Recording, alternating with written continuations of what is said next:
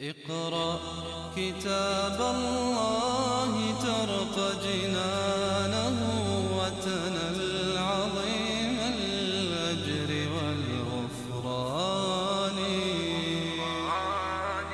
رتله روي القلب من نفحاته كالماء يروي لهفة العطشان قال ليدخل المؤمنين والمؤمنات جنات. فهذا من آثار إنزال السكينة وزيادة الإيمان عندهم.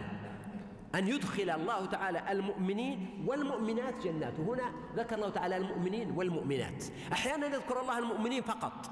مثل قوله سبحانه وبشر المؤمنين وبشرى للمؤمنين. بينما هنا قال ليدخل المؤمنين والمؤمنات. لماذا ذكر المؤمنات؟ لأنه ربما يتوهم أحد أنه في هذا المناسبة وهي مناسبة عسكرية وحرب والنساء ليس لهن فيها كبير وجود أن الحكم هنا خاص بالمؤمنين. فاحتاج إلى دفع هذا التوهم أن يقول والمؤمنات يعني المؤمنات داخلات في ذلك فالمؤمنات كانت كن موجودات مع النبي صلى الله عليه وسلم ومنهن من آه، جهزت زوجها وهن صبرن على فراق الأزواج وعلى فراق الأولاد وعلى الثكل أحيانا والفقد. وأيضا من المؤمنات من يكون لها مشاركة بسقي أو رعاية أو آه، تطبيب وجراحة. ومنهم من يكون لها رأي مثل أم سلمة لما حزن النبي عليه السلام لأنه الصحابة هنا في تلك القصة لما وقع الصلح أمرهم النبي عليه الصلاة والسلام أن يتحللوا كأنهم قد أحصروا عن مكة فتحللوا بذبح الهدي الذي ساقوه من المدينة معهم. وهذه بعد كانت مشكلة أخرى أنهم جاءوا بالهدي حتى يصل إلى مكة والهدي معقوف أن يبلغ محله. فأمرهم النبي عليه الصلاة والسلام ذبحوا الهدي ثم تحللوا حتى لما أمرهم أن يحلقوا رؤوسهم ما استجابوا. فجاء لأم سلمة وقال لها هلك الناس. تضايق الرسول عليه الصلاة والسلام قالت يا رسول ماذا؟ قال أمرتهم أن يحلقوا فلم يفعلوا. فقالت له إن الناس قد أصابهم من هذا الصلح ما أصابهم. فلو خرجت وحلقت ورأوك ربما حلقوا. فخرج النبي عليه السلام يحلق رأسه أمامهم يعني يحلقه الحلاق. فلما رأوا النبي عليه الصلاة والسلام يحلق أسرعوا إلى الحلق حتى كان بعضهم يجرح بعضا من الاستعجال في حلق الرؤوس امتثالا. وهنا تأنيبا للنفس أنه لماذا نتأخر نحن؟ فاستعجلوا حتى كاد بعضهم يجرح يقتل بعضا يعني يجرح بعضا. فهذا من دور المؤمنات في الحياة كلها وفي هذه المواقف. ولذلك أشاد بذكرهن على وجه الخصوص جنات تجري من تحتها الأنهار. وهذا وعد سابق للمؤمنين والمؤمنات ولكن كأنه هنا يحمل بعدا جديدا للمجاهدين في سبيل الله والصابرين في سبيل الله. فهذه جنات المجاهدين مئة درجة كل درجة ما بين السماء والأرض عدها الله تعالى للمجاهدين في سبيله. فكأن هذه هي الجنات التي وعدوها ويكفر عنهم سيئاتهم والتي قد يكون منها عدم تقبلهم لهذا الصلح أول الأمر وتلومهم على النبي عليه الصلاة والسلام.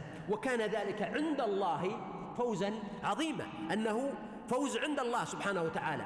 فما بالك ماذا يكون عند الناس؟ يعني في ميزان الله هو فوز عظيم فهو من باب أولى فوز عظيم في ميزان الناس ويعذب المنافقين. إذا هنا نصر وتمكين ومعناه أن في مقابل هؤلاء الناس الذين نصرهم الله وفتح لهم هناك فريق مهزوم مخذول. من هؤلاء؟ قال ويعذب المنافقين والمنافقات والمشركين والمشركات. وبدأ بالمنافقين لأنهم أخطر من جهة كونهم في داخل الصف الإسلامي ويصعب التحرز منهم.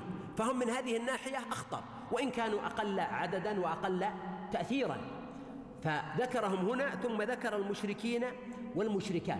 والمقصود بالعذاب هنا ويعذب يشمل عذاب الآخرة يقينا بالنار كما وعدهم بآخر الآية وأعد لهم جهنم. ولكن أيضا يشمل عذابا دنيويا حاضرا ناجزا أن الله تعالى يعذبهم بالهوان يعذبهم بالخيبة بالإحباط بالفشل بالحزن والكآبة التي تصيبهم حينما يرون نصر الإسلام وقوة الإسلام.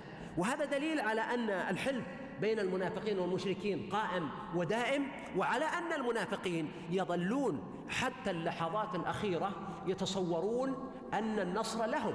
ولذلك آه، كانوا لما جاء المسلمون إلى مكة كانوا يقولون يظن محمد أن قريش يعني مجموعة من الناس هكذا يقاتلهم.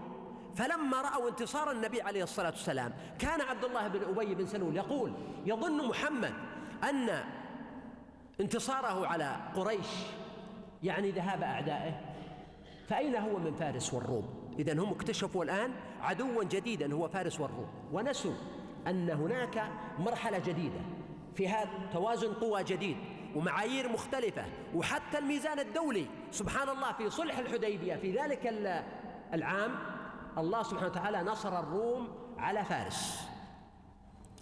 ألف لام ميم غلبت الروم في أدنى الأرض وهم من بعد غلبهم سيغلبون. وهذا انتصار لأهل الكتاب على الوثنيين. فكان المسلمون يفرحون بذلك ويعتبرون أنه تحضير عالمي. تماما التاريخ يعيد نفسه. اليوم نحن نرى الربيع العربي في أكثر من بلد في تونس في مصر في ليبيا في المغرب. أمس رأيتم انتصار الأحزاب الإسلامية في اليمن في سوريا في بلاد أخرى. البعض يقول هذه مؤامرات وإلى آخره. وكيف الوضع العالمي يسمح؟ ينسون أنه حتى الوضع العالمي نفسه يتغير. هناك تحولات حتى عالمية ربما تصبح على استعداد لأن تعي وتتفهم الظروف الحادثة أكثر من ذي قبل. ولذلك يظهر في خطابات كبير كثير من الساسة في أوروبا وأمريكا أنه أصبح لديهم استعداد للتعامل مع من يسمونهم بالإسلاميين. وكانوا في الماضي يعبرون عنهم على أنهم فزاعة يتم التخويف بها. فالآن هم بدأوا يفكرون أنه ربما نستطيع أن نتعامل مع هؤلاء الناس. صحيح ناس التعامل معهم صعب وهم ناس وطنيون ولكن التعامل ليس مستحيلا. وإذا كان هناك نوع من إقرار مبادئ وطنية ومساواة وحقوق وعدالة فعلينا أن نتقبل هذا الوضع. إذا هناك تحول حتى دولي لم يكن المنافقون يشعرون به. ولذلك الله تعالى قال ويعذب المنافقين والمنافقات والمشركين والمشركات الظانين بالله ظن السوء. يشمل هذا كل ما ظنوا بربهم. من سوء الظن بالله. لكن منه طبعا منه أن الله لا يبعث رسلا ومنه أن الله لا يبعث الناس. لكن في هذا السياق ظن السوء اعتقادهم أن الله لا ينصر النبي عليه الصلاة والسلام والمؤمنين أو اعتقادهم أن هذه الحادثة ربما يكون فيها استئصال شأفة المسلمين والقضاء المبرم عليهم. ولذلك قال الظانين بالله ظن السوء. ظن السوء كلمة السوء تتعلق بالأشياء المعنوية بالأعمال مثلا. مثل كلمة الفساد في الأجسام. تقول مثلا هذا ظن سوء هذا رأي سوء هذا رجل سوء هذا فعل سوء فيما يتعلق بالأعمال أو بالأشياء المعنوية. أما الأشياء الحسية فيعبر عنها بالفساد مثل فساد مثلا البضاعة أو فساد السلعة أو فساد النفس أو ما أشبه ذلك الجسد يعني أو ما أشبه ذلك. عليهم دائرة السوء. يعني ترجع وتدور عليهم ويحتمل أن يكون معنى دائرة بالمعنى الذي نفهمه. يعني كأن السوء دائرة محيطة بهم لا يستطيعون الخلاص منها ولا الخروج عنها. وغضب الله عليهم ولعنهم وأعد لهم جهنم وساءت مصيرا انظر هذه الأشياء الثلاث. أولا الغضب أن الله تعالى غضب عليهم. والإنسان البشر قد يغضب على أحد من الناس ومع ذلك لا يقول له شيئا.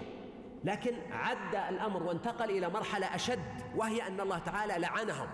واللعن هو الطرد عن رحمته. اذا هم مغضوب عليهم اولا وهم مطرودون من رحمته ثانيا. وأيضا ممكن تقول واحد يطرد من الرحمة ولكن لا يدخل في العذاب. ولذلك عبر ثالثا بقوله وأعد لهم جهنم وساءت مصيرا. فاستوعب بذلك كل ألوان العذاب والعقاب الذي ينتظرهم وتدرج فيه.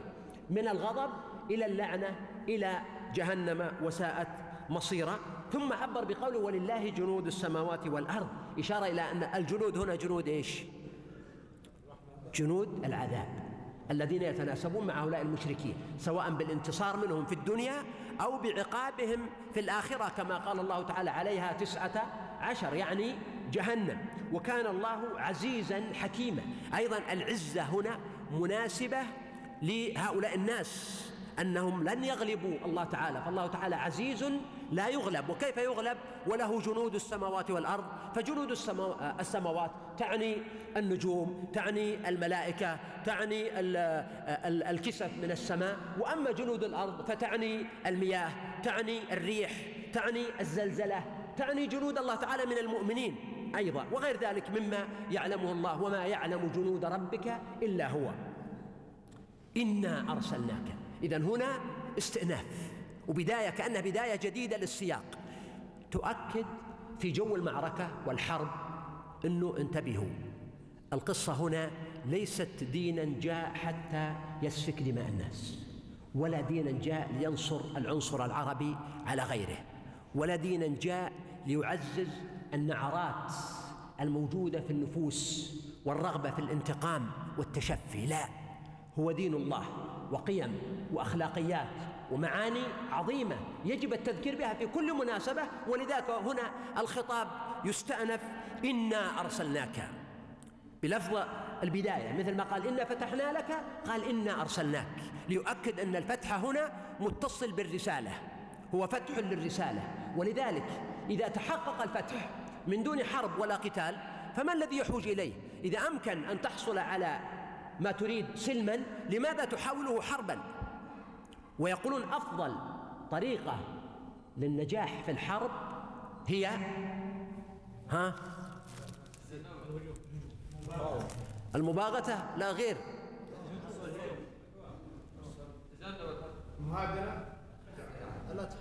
أيوه لا تحارب. تفضل. أفضل طريقة للنجاح في الحرب هو الا تخوضها.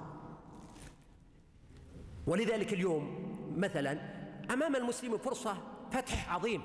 استخدام وسائل الإعلام التقنيات القنوات المواقع الإلكترونية المخاطبات حتى المجتمعات العالمية اليوم في كل بلاد العالم مفتوحة للمسلمين. أن يقيموا المساجد المراكز آه، الحوار المؤتمرات اللقاءات البرامج أن يتصلوا بالناس. فهذا فتح عظيم وهو يحقق المقصد الأعظم من الجهاد وهو دعوة الناس إلى دين الله عز وجل. ولهذا هنا قال إنا أرسلناك شاهدا ومبشرا ونذيرا. فهو شاهد بمعنى يشهد فهو يشهد أن لا إله إلا الله وأن محمدا رسول الله مثله مثل أمته. وكان النبي عليه السلام يقول هذه الشهادة في صلاته وإذا سمع المؤذن قال مثل ذلك أيضا. فهو مأمور أن يؤمن بأنه رسول مثل ما نحن مأمورون أن نؤمن بأنه رسول عليه الصلاة والسلام. وهو يؤمن أيضا بالرسل السابقين. كما قال الله عز وجل كل آمن الرسول بما أنزل إليه من ربه والمؤمنون كل آمن بالله وملائكته وكتبه ورسله. وهو أيضا شاهد على هذه الأمة. فكيف إذا جئنا من كل أمة بشهيد وجئنا بك على هؤلاء شهيدا يومئذ يود الذين كفروا وعصوا الرسول لو تسوى بهم الأرض ولا يكتمون الله حديثا. ولما سمع عليه الصلاة والسلام هذه الآية قال لابن مسعود كفى فالتفت فإذا عيناه صلى الله عليه وسلم تذرفان. إذن هو شاهد ومن مقتضى الشهادة أنه مبشر ونذير وقدم البشارة على النذارة لتكريس هذا المعنى في مثل الظروف التي تشهدها المرحلة الأخيرة من النبوة. قدم البشارة هنا وهي البشارة للمؤمنين على النذارة وهي النذارة للكافرين والعاصين. لتؤمنوا بالله ورسوله. فهذا النبي عليه السلام بعث ليدعوكم إلى ذلك وأرسلنا أرسلناك لذلك لتؤمنوا بالله ورسوله. والمقصود هنا أساسا الإيمان بالله. والإيمان بالرسول صلى الله عليه وسلم أتى تبعا في هذا الموضع. ولذلك قال وتعزروه. من هو؟ الله. تعزروه يعني الله سبحانه وتعالى. والتعزير يعني النصر. إن تنصروا الله ينصركم. فهذا معنى تعزروه. وتوقروه. التوقير هو الإجلال والاحترام والتكريم والتعظيم وهو أيضا لله. وتسبحوه من هو؟ الله. فإن التسبيح لا يكون إلا لله عز وجل. والتسبيح يعني الصلاة. فإن الصلاة تسمى سبحة. والتسبيح يعني أن تقول سبحان الله. ومعناها تنزيه الله تعالى عن كل ما يليق به. فتنزه الله عز وجل عن النقص والعيب فله الكمال والجلال والجمال لا إله إلا هو. وكل ما خطر ببالك من المعاني التي لا تليق بالله فالله بخلاف ذلك. إذن هذا من معنى التسبيح. وقوله وتسبحوه بكرة وأصيلا يعني في الصباح والمساء. فهذا إما أن يكون معناه على الاستمرار. جاء وقت الأذان. إما أن يكون الاستمرار. وإما أن يكون المقصود في الصباح والمساء أذكار الصباح وأذكار المساء مثل آية الكرسي آخر سورة البقرة آه، آخر سورة الحشر الإخلاص ثلاث مرات المعوذتين ثلاث مرات الأذكار النبوية التي تقال في الصباح وتقال في المساء فيحفظ الله تبارك وتعالى بها العبد. أو يكون المقصود صلاة الفجر وصلاة العصر وهما البردان كما قال النبي صلى الله عليه وسلم في صحيح مسلم من صلى البردين دخل الجنة وتسبحوه بكرة وأصيلا. ويمكن أن يكون المقصود الاستمرار يعني تسبح الله دائما. سبحوا الله تحت مطلع شمس. يعني سبحوه في كل مكان وفي كل زمان. اقرأ كتاب الله ترق جنانه وتنل